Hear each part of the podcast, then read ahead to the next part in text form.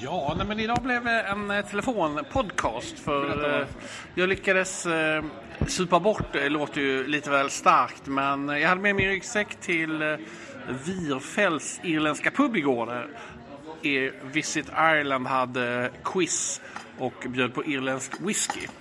Och då glömde du hela din ryggsäck. Och då glömde jag min ryggsäck. Den var liksom väldigt svart där nere i källaren och telefonen högg inte. Och sen så, ja du vet när man... eh, Jag var gjorde en klosterfärg jag- som jag själv också gör ganska ofta. Man liksom reser sig upp och så bara går man därifrån och så bara cyklar man som en galning hem.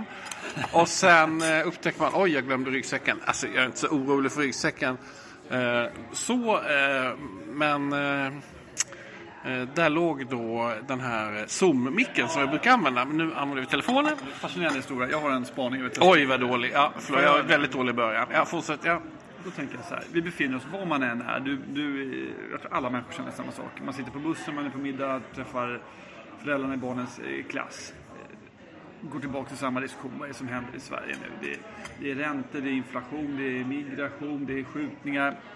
Det känns som ett, det är NATO, det, det känns som ett rätt dåligt läge. Det var länge sedan vi hade någonting att samlas kring, någonting, någonting stort att prata om. Jag menar när till och med TV4 lägger ner lägerelds-TV så vet man att det är rätt, det är rätt kämpigt. Då, Viggo Kavling har jag en lösning på detta. Ja, okej, underbart. Ja, jag tycker så här. Vi behöver någonting att samlas kring som nation. Ja. Jag kan inte så mycket om, eh, om idrott som du vet. Men, eh, och jämte eh, senaste fotbollsprestationen där vi väl kom trea va? i VM. Alltså, det har varit ett kval till eh, eh, eh, VM och då har Sverige kommit trea. Så att vi har inte kommit trea jag- i jag pratar VM. inte jag om dem. Vilka fotboll pratar jag om? Du kan prata om fotbollstjejerna? Fast numera så är det de som är fotboll tycker jag. Och så är det här fotboll. För de har ju levererat någonting. Så det är de jag pratar om. Jämte de har vi inte haft någonting att samlas kring. Min spaning. Så här, min enkla analys. Vi behöver en, något att samlas kring. Och då känner jag så här. Jag skulle vilja att nästa VD för Filminstitutet tar all budget. Nota bene all budget på ett år och lägger på en enda stor jävla film. Ungefär som det Fanny och Alexander kom till. Alternativt att om detta inte skulle gå, att staten köper in ett riktigt, riktigt stort praktkonstverk och sätter mitt i Kungsträdgården. Vad tror du om det? Tror konstverk eh, kommer ju reta resten av nationen oerhört om det ska placeras i Kungsträdgården. Alla pengar ska gå till det. Men jag håller med om idén att ha en stor episk berättelse som man kan samlas kring. Och eh, där, det, jag tycker ju att allsvenskan är en sån episk berättelse. Man följer liksom varje match, man följer spelare. Herrfotboll, ja, och damfotboll, jag är inte lika inne på det. Jag skiter i fotbollen nu. Ja, Episk men jag tycker en episk berättelse. Jag tycker till exempel att uh, Vår tid är nu, den uh, tv-serien, den, den, den hade, den var liksom den här stora berättelsen som man samlades vid. Nu ska det komma en ny tv-serie här som handlar om Sverige, Sveriges historia. Jag har. Jag tror vi har en annan, den skiter vi men det, jag tror det. Thomas Alfredsson håller på med en nyfilmatisering av Trolösa. Som för övrigt spelas in i vårt kvarter lite nu och då. Det är avstängt då. Jaha, och jag okej. tror av bilarna att döma att eh, det är mycket 70-tal i den. Ja, fast jag tror, alltså Thomas Alfredsson i i all ärlighet, alltså Jönssonligan var ju en katastrof. Eh, och de här, eh, vad heter det, han, nej han... Alfredsson, ska han, är det Jönssonligan vi tar nej men han, nej men han, han har, alltså han, det är för liksom...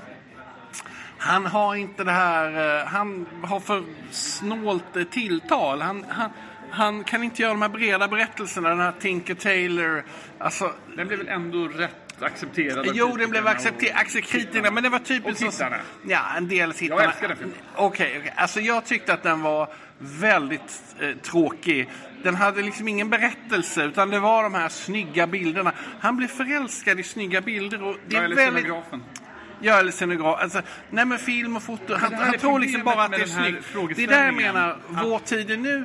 Där fanns det Du liksom en måste stor ans... lyfta blicken när man tänker så här. Om vi tänker så här nu. Tänk inte på...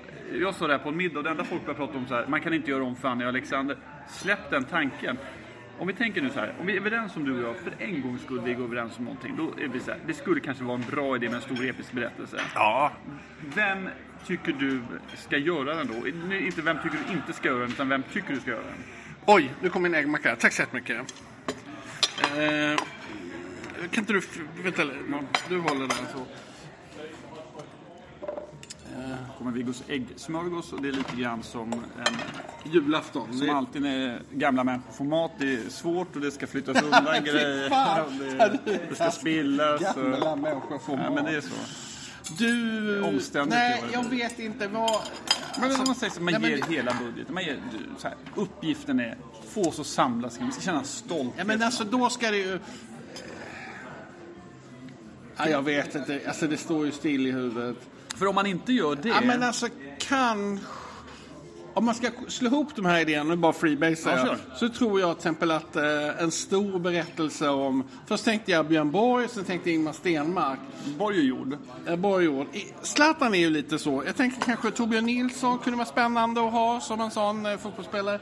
Alltså någonting där man kombinerar idrott och, och en, en stor berättelse om idrott. Va, Skulle man... Man Jag tycker ju till exempel, eh, alltså en bra episk historia är ju den här historien om Beckham som, som har varit de här fyra dokumentärerna på Netflix. Den har verkligen, Tänk snarare The Crown. är väl Crown, ja, men alltså, kanske det måste, kungen. Ja, den ska ju komma. Men den tror inte jag blir något vi samlas Ah, kring vi, får väl hoppas, vi får väl hoppas lite på den, kan vi inte göra det? Eh, Jan Guillous eh, sekel... Jag har inte läst den. Har du läst den? eh, jag har läst delar av den. Skulle den kunna utgöra grunden för en liksom, episk storfilm? Om du frågar Jan Guillou så skulle han ju nog säga ja. Han är fortfarande förvånad över att det inte går på bio Nej, men precis. Jag tror han är fortfarande förvånad över det. Jag tror... Mm. Men det skulle den kunna göra. Alltså det är ju lite... Hans eh, karaktärer är lite pappaktiga.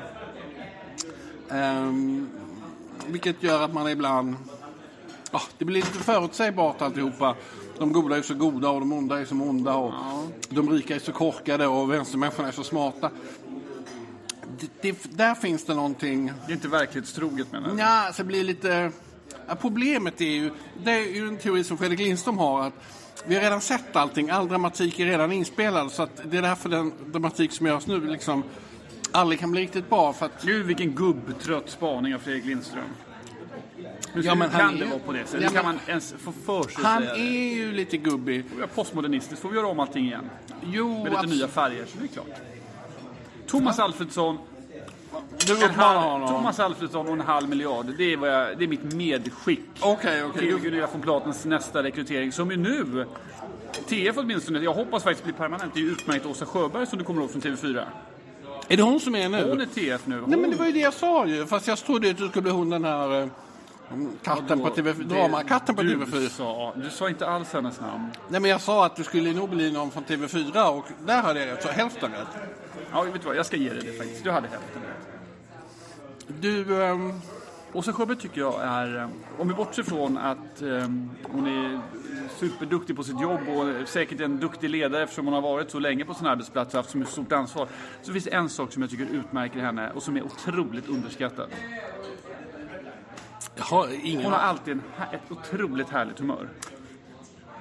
Ja, Jag menar, jag ser inte noga med, jag vill inte banalisera någon annan av hennes andra utmärkta kvaliteter, men det, varje gång jag ser henne, om så på 100 meters avstånd, så blir jag faktiskt på gott humör.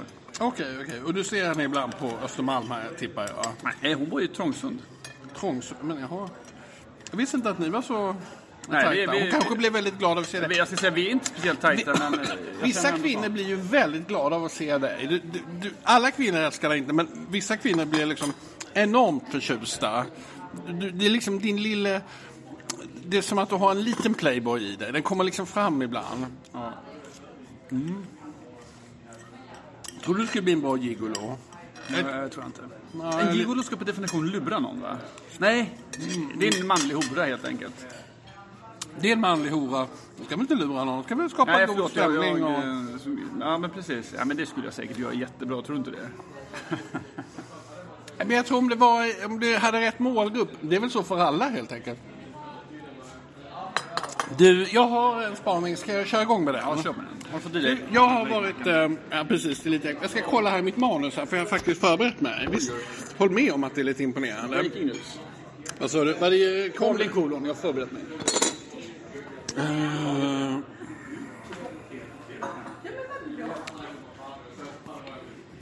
Nej men du är det så att jag har varit på eh, konstnären Liljevalchs som vi har pratat om tidigare. Liljevalchs. C- CHBK, Lilje Valks. Alltså det blir jag aldrig tänkt på.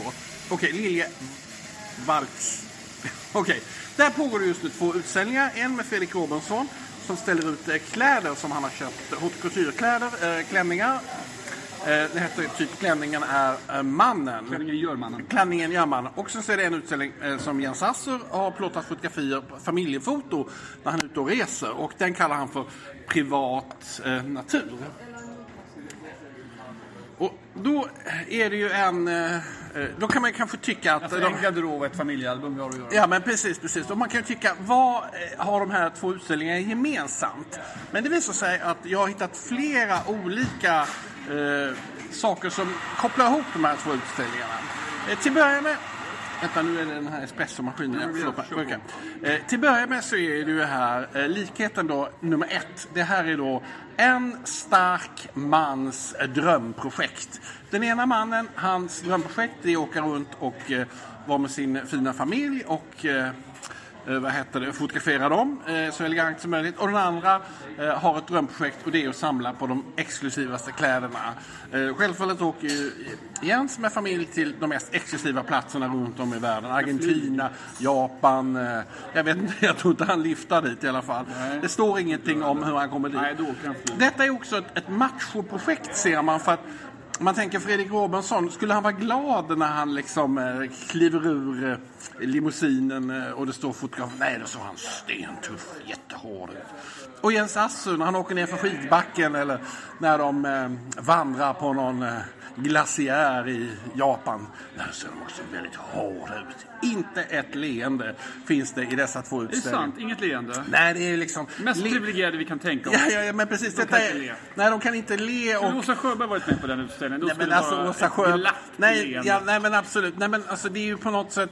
Och det, är ju, det här leendet... eh, Det, det var ju så... Jag kommer ihåg när jag var på Resumé, jag brukar alltid skämta när man såg en bild på reklamarna. Om det var någon som log, då bara pekade. Ingen riktig reklamare. Då var det alltid någon som typ hade kommit från... Marknadschefen, eller? Det var marknadschefen log eller så var det någon från reklambyrån i Borås. Alltid Nej men Forsman Bodenfors, eh, King, alla de här såg ut som, som om det var, de var i ett krig. Och de här två är också ett krig, eh, eh, de här två männen. Sen bakom de här två väldigt starka männen, vem döljer sig där? Jo, en partner som är stöttande och lojal. Bakom Fredrik Robinson finns eh, Johan som driver den här frisörkedjan som han... Eh, Driver försök, alltså, Vad heter de? Hovårds- Han driver Björn Axén AB. Det är ett eh, jätteföretag med massa saker. Absolut, absolut. Men han är med och, och bistår sin man när han ska ut ur limousinen och hjälpa till att sätta på kläderna och så vidare. Eh, och bakom Jens Assur så finns eh, hans fru Jenny Assur som är projektledare och fixar och donar. Och, eh, ja, ibland kanske hon till och med får ta en bild. Det finns en bild där Jens sitter i ett badkar i Argentina. Och då tänker man så här, men hur har han tagit den här bilden på sig själv? Men då har han nog, alltså- han har fått lite hjälp där av sin fru. Så bakom frun finns en väldigt stark partner som är oerhört lojal med det här projektet. Att ifrågasätta, ja, men behöver vi köpa en klänning till eller måste vi verkligen åka till Sydafrika och tar den här bilden? Det är självfallet att de ställer upp och följer med. Eh, sen är ju frågan, eh, du tog ju tidigare upp det här med eh, om det här var konst eller inte. Eh, och jag tycker ju tyvärr då att det är inte konst. Jag har Eh, ju sagt det hela tiden. ja men precis. Nej men varken semesterbilderna Men eller de här kläderna. Claes, du hade rätt. Ja, men Claes, du hade rätt. Det är inte konst. Men jag vill säga att det som förenar de här två utställningarna det är att det är en form av konsthantverk. Ja, Eh, gud, det är ja, otroligt hantverk vad det gäller kläderna som har sytts ihop på det mest eh, fina sätt. Och ett otroligt hantverk med de här bilderna som Jens har tagit. De är otroligt väl printade och ramar. Alltså, det är snyggt något så in i helskotta. Alltså igen, det, min poäng var inte att nedvärdera någonting, snarare uppvärdera hantverket. Att man måste kunna prata om vad som är bra hantverk och vad som är konst. Alltså konst är många gånger ett dåligt hantverk, eller inget hantverk alls. Nej, nej, nej, precis. Sen en annan sak som eh, fascinerar mig med de här två utställningarna, det är finansieringen. Hur, var kommer pengarna så att eh, Jens Asse med familj kan åka runt i hela världen och ta de här svartvita bilderna? Och var kommer pengarna till eh, Fredrik Robertsons klänningar? måste ju kosta Fredrik flera Robertsson tror jag direkt att jag kan säga att det kommer... Det, det är, kolla vinstmarginalen för eh, Björn Axén. Där kan jag tänka mig att pengarna kommer. Jo, absolut. Men det är först... Och de är ju investering. De, de kläderna kommer inte sjunka i värde. Nej, och kanske om Jens Asser, eh, det finns lite samlare som blir förälskade i hans familj så kommer de också tjäna pengar Men på där, detta. i hans fall så måste han ju ha pengarna så att säga först för att kunna göra sin utställning. Och det måste ju. Fredrik Robertson också ha Jo, pengar. men där menar jag, där kan du köpa den och så får du den direkt. Ja. Jens vet ju inte när han åker till Argentina vad, vad han kommer hem med. Nej, okej, på det sättet. Ja, okej, ja, det finns. Men man Men kan säga bägge Jens och Fredrik är ju duktiga hantverkare. Jag menar, Jens eh, tar kanske reklambilder, jag vet inte vad han gör. Fredrik var ju tidigare en jätteskicklig PR-kreatör. Övertygad om att de har eh, alltså de har intäktskällor själva som, som de säkert gör att de kan bekosta det här utan någon annans hjälp. Absolut, men när man går runt och tittar på utställningen så eh, jag tror många tänker så här, hur har han råd att åka runt på det här sättet på olika modeevent? Och, och, och, och, och var kommer pengarna ifrån? Man kan säga att detta är helt lite i dunkel. Vad tjänar de vill man ju veta. Ja men vad tjänar de och hur ska detta Ja. gå till och vad fan kostar en bild och vad kostar en klänning? Äh, det här är då hemligt så att säga. Ja, sen så då så, eh, vad heter det? Eh, nej men ja, jag tycker inte det är konstigt. Jag tycker inte heller att det är journalistik. Jag tycker det finns någon slags teoretisk överbyggnad på den här privat natur som är jättekonstig. Och, det finns någon postmodernistisk överblick även på den här eh, klädutställningen. Det, det, det funkar liksom. Det, det, det är ju liksom och vad, vad blir det då kvar eh, när man har liksom fått bort det här? Jo, det som blir kvar är ju eh, 2023, tidens melodi, autofiktion. Båda de här utställningarna är en form av autofiktion. Samma de här böckerna som skrivs som bara handlar om författarna själva. Det vill säga att Tänk på att jag sitter här. Ja, ja, ja, absolut. Men, men jag tänker så här också att det är det som hon säger, Mikaela Blomqvist där i GP, att man kan inte kritisera de här projekten eh, utan att man kritiserar upphovsmannen. Alltså det, det blir liksom kritiken mot verken blir väldigt... Eh, ja, den blir, den hon säger platt. Väl, ja, men hon säger väl att man... Alltså, ver, äh, upphovsmannen och verket är ju för det mesta alltid tätt sammanslingrade. Däremot är ju så att säga det upphovsmannens eh, livsstil som man, liv som man kritiserar. Och så behöver det inte alltid vara om man skriver en eh, klassisk roman, om jag ska säga så, eh, som inte handlar om ens eget liv. Där ligger problematiken. Kritiserar du Ulf Lundell, om vi tar honom som exempel, dagböcker, vardagar, då kritiserar du hela Ulf Lundell, hela hans liv. Kritiserar du eh, Kerstin Ekman, så har du ingen Kritisera aning. hennes böcker, ja. Så kritiserar du bara böckerna, precis. Du, apropå det här då. Eh, Nej, men jag vill bara säga att jag tycker båda utställningarna var intressanta, men lite platta när man har börjat eh, skala av laget på dem. Ja. Augustpriset har vi fått, eh, se de nominerade. En spännande lista och jag tror att eh, Björn Werner gjorde rätt i som slog sig för bröstet. Björn Werner, SVDs, en av SVDs litteraturkritiker som för ett säkert ett år sedan också satt i, vad heter den här gruppen Viggo som Augustpriset har som läser böcker? Det är inte lektörer utan det heter något annat va? Vad? Något sånt lektör. Något Juryn kan vi kalla dem Ja, för. men precis, men jag, ja, precis. Han satt där och eh, gav svidande kritik åt förra årets nomineringar som han tyckte inte främjade läsandet. Det ska man ju ha i beaktande, Viggo, att Augustpriset är till för att främja det allmänna läsandet och därför har en slags eh, bred folklig flörtande touch. Och det tyckte Björn Werner att eh, juryn glömt bort helt och hållet. Detta var förra året och han skrev en rolig text om det. Han konstaterade i en text i Svenska Dagbladet i förrgår tror jag det var att eh, de hade lyssnat på honom helt Ja, enkelt. nej, men han... eh, Inga det blev poeter. eh, helt... eh, fem av fem till Björn Werner. 5 av 5 till Björn Werner va? Och har du läst någon av böckerna?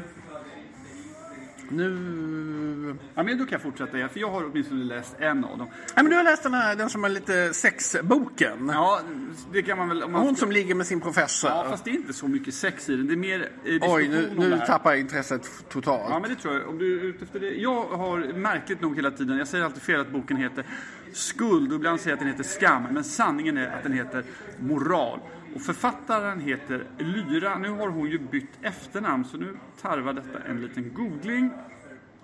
Som mitt gubbminne slår till. Lyra Ekström Lindbäck heter hon. som har eh, skrivit den här boken och den är, tror jag då, Viggo, det här har alla möjligheter att bli 20-talets litterära motsvarighet till vad Karina Rydbergs Den högsta kasten blev för Krog-Stockholm på 90-talet. Nämligen att vi kommer ägna rätt mycket tid åt, jag tror för att den här boken kommer vinna och jag, tycker att det, jag tror att den är värdig vinnare. Eh, att vi kommer ägna tid åt att fundera på vilka är det egentligen som har den här relationen. Ja, ja, ja, ja. Nej, men det är väl jättespännande. Men det kan man väl kolla på hennes Instagram och Facebook och lite sånt där. Man... Det är då två, Två? Du vet vem det är eller? två litteraturprofiler i Sverige. Jaha, ja, men jag trodde att det var någon, att hon var i Tyskland och låg med någon. Nej, men... Men Viggo, checken är det som jag tror att meningar som börjar med jag trodde, de kan du vara lite försiktig med faktiskt.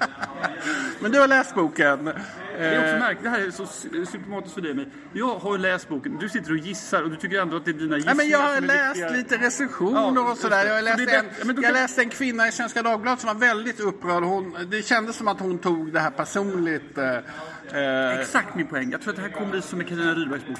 Folk tar det här personligt, vare sig de förtjänar det eller inte. Du skrev ju samma sak eh, till mig ett sms. Eh, ungefär som, som eh, den här recensenten skrev. Att ligga med sin professor är aldrig en bra idé, det vet alla. Ungefär något sånt, eller hur? Ett klassiskt, urklassiskt tema som hon har problematiserat på ett roligt, väldigt lättläst och eh, alltså i ordets eh, rätta flyhänt skrivet. Eh, på ett eh, ja, men, förtjänstfullt sätt. Det hon också, tycker jag, inte blir det du efterfrågar, de här sexscenerna, utan de är eh, snillrikt konstruerade tycker jag. Eh, och frågan kretsar alltså, kring... sex kan inte vara snillrikt. Då är det inte sex. Konstruerad i en bok kan den absolut vara. Och, men det kan vi gräla om i och för sig, eh, så är boken intressant för moral handlar om moral på en arbetsplats som är till för att eh, filosofera kring moral. Det finns en trippelberättelse i den här boken som då rör två mycket upphöjda litteraturpersoner i Sverige. Okej, okej. Men vad spännande. Det blir man lite sugen på att läsa. Jag har ju skrivit en bok om dig en gång i tiden också på samma sätt. Som inte var sexualiserad på något sätt, men du har ju blivit uthängd i en bok på samma sätt. Där du var chefredaktören, eller chefen. Har du glömt det här? Nej, nej, nej, nej. Alltså det var ju jätteroligt faktiskt. För att eh, det, det var ju någon då som skulle komma någon sån här feministisk antologi som man, sån som man skrev för 20 år sedan. Ja, vad heter det? Mamma, pappa, barn va? Jag glömde bort. Ja, det var Nej, typ... mamma hette den bara, förlåt. Ja, nej men precis. Och, och det var så, då var jag så orolig för vad det skulle stå i den här boken. Och, och sen så när den kom ut så bara tyckte jag, ja men det här var exakt, du, hon har exakt rätt den här personen. Det var så att jag träffade den här personen, tyckte inte den personen gjorde ett bra jobb. Förklara för den personen att den skulle göra ett bättre jobb, förklara att om de inte gjorde det skulle de få sparken. Och sen så, nej tyvärr det blev inte bättre, den fick sluta. Alltså, Men det kan man ge personen och det, det var jag tycker så att det som var bra där, det var inte så, ena dagen tyckte han om mig, andra dagen tyckte han inte. Det var inte sån psykopat-variant, utan det var bara, nej men vi två ska inte jobba ihop. Hon och tyvärr, var jag en- var chef och den Ja. andra personen Men var hon inte chef. var bevisat en skicklig journalist som kunde återberätta det här så att du nu, både då och nu, håller med om berättelsen. Det är ju väldigt eh, snyggt gjort av henne. Ja, men absolut. Jag har inget att invända i det. Utan jag tyckte bara att det vis, nej, men alltså, det, mitt ledarskap var tydligt från början till slut. Och det var jag väldigt nöjd med att det kom fram. Så att, eh, Ledarskap. ja, men det var det. Det var det. Du kan sitta på de här höga hästarna. Mitt ledarskap. Ja, och sen så tyckte hon att mitt ledarskap var dåligt för att jag inte uppskattade henne. Ja, men det, är- det, är- det är väl fullt begripligt. Om du skulle skriva en roman om ett eh, sanningsenligt skede och då Ja, men jag har Du funderat... kan vara inblandad i dig själv eller bara som, som så att säga betraktare till det. Vad skulle du välja? Ja, men jag har ju nu... eh, Jag håller ju nu på och läser boken, den som alla män i Sverige läser. Vilken bok är det? Jag kommer aldrig på Nej, Brett Easton Ellis, Skärvorna. Ja, och den är För han har väldigt... varit i Sverige. Precis, han har varit i Sverige och lanserat den och Jan Garvall har skrivit en artikel och, och alla män har läst den och nu så har alla köpt boken och jag läser boken nu. Och boken är ju fruktansvärt bra. Stjärnorna, eh, det handlar ju om att han minns tillbaka när han var 16, 17, 18 år i Los Angeles och eh, bröt sig loss från sina föräldrar och eh, blev en eh, vuxen man. Och under denna resa har han då sex med olika personer och han dricker sprit, tar droger och kör runt i sin bil och tittar på filmer och så. Och skärvorna kommer ju sig av att han liksom ser fragment som han, liksom, när han börjar betrakta dem, börjar skriva ut dem. Alltså det är som självbiografi. Och det är väldigt fascinerande för att jag, när jag och jag tittar ju, min son han är exakt i den här åldern nu. Och då när jag tittar på honom, och, då får jag liksom olika skärvor från hans liv. Och så kan man liksom fantisera och då minns man ju också sina egna skärvor. Ja men det som vi pratade om förra gången där med Lukas Moodysson och min kompis Ossian. Och jag har tänkt med det mer och så. Det skulle kunna bli min skärvorna. Alltså de bilderna när man det är de mest formativa åren i en människas liv när man går från att vara mm. ett barn beroende av sina föräldrar, söker sitt oberoende och, och kastar sig ut. Och jag, jag måste säga att den, den perioden i människas liv litterärt är kraftigt överskattad. Kraftigt överskattad. Ah, ja, det, det, vad heter det? Nej, det tycker det jag inte. Det kan vara en fråga om eh, perspektiv också. Du närmar dig ju 60 med Stolter och jag har nyss fyllt 45. Jag tycker det är spännande. Där tillhör jag med skolan Per Hagman. Vad som sker med en människa mellan 20 och 30.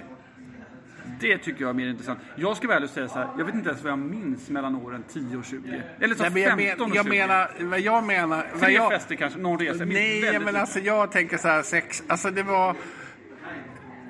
Nej, men jag kommer ihåg att jag och vad heter Göran Skyttes dotter Jenny Skytte gick på gatan på Ängelholmsgatan och sen så tittade vi upp och sen så var det en balkong högst upp och där bodde Ossian och Lukas och sen så tittade jag upp på det och så sa hon ja men där uppe bor de och sen så kunde man se hur de rörde sig där bakom och det, var, det kändes som att det, det, var liksom på den hippaste planeten. Och sen gick det liksom tre månader och sen så var jag på en fest i den lägenheten. Den förflyttningen, den resan, den när man liksom kommer till och liksom små drömmar, eller stora ja, drömmar och små drömmar det går ihop och sen så... Det är ett fint... Det, det ja men alltså det är det jag menar, sådana bilder. Och det är sådana bilder som är i Bret Easton Ellens bok också. Han är på en fest och man förstår att han han är på den här festen och känner sig liksom världsvan för första gången. De tar kokain och Men de ligger vid poolen och det är filmstjärnor som kommer förbi. Och... Det, det, det, det är roligare att höra din motsvarighet till det är ju inte att gå upp på den här lägenheten. Det är ju som du berättade senast i podden när du var på Ulla Winblad och fick det stipendiet av um, Jakob Dahlin, eller Jakob Dahlins minnesfond. Det är ju roligare att se, det vore ju roligare om du skulle skriva Nej, men alltså... När du blev förälskad i Joakim Berner, patolog, eller vad heter det? Um... Har jag redan skrivit två böcker om nu. förklädda eh, deckare. Eh, ja, allt. Ja. Oj, oj, oj, oj. Eh, har ni någon kontakt idag? Nej, nej, nej. Alltså, det, under 15 års tid så, så hälsade han inte på Men nu har han börjat, Han vill ju vara kändis nu, tror jag. Han har ju liksom... Han håller ju på med något eh, kristet projekt, verkar det som. Jag tror han är mer religiös Vet du vad jag tror han kommer dyka upp? Nej, men han såg är... du, får bara säga, såg du att... Du... Kan inte du hålla nu? Okay. Det är alltid väldigt spännande att sitta nära någon som vi gör nu när vi poddar och den personen äter en jättestor äggmacka med mycket kaviar. Det är mycket odör i luften. Jag tror att ett projekt som ska bli spännande att följa, har du, eh, som jag såg första gången igår, det är att statsministerhustrun tillika PR-gurun Birgitta Ed, tillika präst ska man ju säga faktiskt som hon är nu, och hennes förra kompanjon Göran Torstensson har köpt en stor gård i Sörmland där de ska ha någon form av, eh, jag ska väl säga att jag tycker det är lite, i dagsläget lite oklart, men en samlingsplats för andliga teologiska samtal, eh, kanske lite rekreation, eh, kanske lite forskarbostäder, lite grann som Sigtuna-stiftelsen, lite grann som Almedalen. Eh, det tror jag kommer vara ett sammanhang där kanske Joakim Berner också kommer dyka upp i. Och det tror jag kommer betyda jag tror nämligen att allt Birgitta Ed tar i, speciellt som statsministerhustru, det blir, det blir en snackis. Hon skulle kunna liksom hitta någon så här ny mm, göra eh, kristendom väldigt hett igen, för att uttrycka mig vulgärt. Jag vet inte, jag tycker det här verkar... Du, det känns som att vi har hållit på så länge nu, nu tror jag tiden är ute. Alltså jag kan inte säga något om det här. Jag måste smälta det här lite. Alltså jag vill inte attackera, jag brukar alltid prata illa om folk som tror på Gud. Måste sluta med det. Ja, man behöver inte prata illa om folk överhuvudtaget. Du har ju rätt i att det är din första instinkt när man säger ett namn. Men kan du inte istället tänka så här, människor som är, har en maktbas i samhället och dessutom skaffar sig en fysisk plattform och det tredje, vet hur kommunikation fungerar. De brukar bli framgångsrika på det de gör och det har vi här. I bakgrunden spelas nu för övrigt Jakob Hellman. Vet du om han är gift med? Eh, nej. Kyrko, den svenska kyrkoherden i Palma. Ja, okej, okay, det, det är han. Men jag känner honom lite. Vi, eh, jag intervjuade honom på 90-talet. Alltså, människor- jag var den första som intervjuade honom efter hans eh, tystnad. Du är så väldigt lik Björn Ranelid rätt mycket. Alltså inte bara utseendet tänkte jag på, utan också den typen av mer- Jag är den första som inte gör någon... Vem kommer där? Ser du? Vadå, Hugo Renberg? Nej. Nej, Vadå? nej för fan. Klockan är inte så mycket. Nej, jag tyckte det var Stefan Sauk, men det var det inte. Nej. Du, eh, nu känner jag... Stänger butiken. Nu stänger butiken. Jag gillar ändå Jakob Hellman faktiskt. Ja, men alltså, Jakob Hellman är jättetrevlig. Jo, Jättesöt. men jag menar hans musik naturligtvis. Men den boken, eh,